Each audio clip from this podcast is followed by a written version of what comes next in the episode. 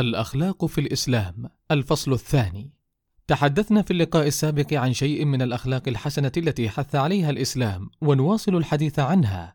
فمن الأخلاق التي حث عليها الإسلام الإصلاح بين الناس كما قال تعالى وأصلحوا ذات بينكم وحذر النبي صلى الله عليه وسلم من النميمة وهي نقل الكلام بين الناس للإفساد بينهم. فقال رسول الله صلى الله عليه وسلم لا يدخل الجنة نمام. متفق عليه. ومن الأخلاق التي حث عليها الإسلام الكرم والسخاء بالمال والتوسط بين البخل والتبذير كما قال تعالى والذين إذا أنفقوا لم يسرفوا ولم يقتروا وكان بين ذلك قواما. ومن الأخلاق التي حث عليها الإسلام مراعاة حق الأخوة في الدين.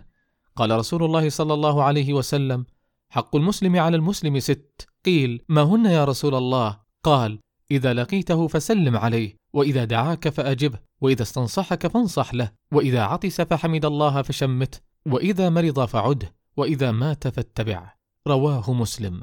كما حث الإسلام على إكرام الجار والضيف قال صلى الله عليه وسلم من كان يؤمن بالله واليوم الآخر فلا يؤذي جاره ومن كان يؤمن بالله واليوم الآخر فليكرم ضيفه ومن كان يؤمن بالله واليوم الآخر فليقل خيرا أو ليصمت.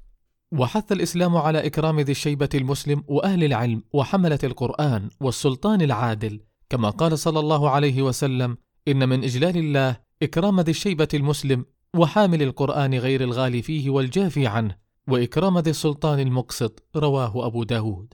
وحثنا على توقير الكبير ورحمة الصغير كما قال صلى الله عليه وسلم ليس منا من لم يرحم صغيرنا ويعرف حق كبيرنا. رواه أبو داود والترمذي وأحمد وصححه الألباني. وحث الإسلام على تفريج كربات المسلمين والتيسير عليهم والستر عليهم. قال صلى الله عليه وسلم من نفس عن مؤمن كربة من كرب الدنيا نفس الله عنه كربة من كرب يوم القيامة. ومن يسر على معسر يسر الله عليه في الدنيا والآخرة. ومن ستر مسلما ستره الله في الدنيا والآخرة. والله في عون العبد ما كان العبد في عون أخيه.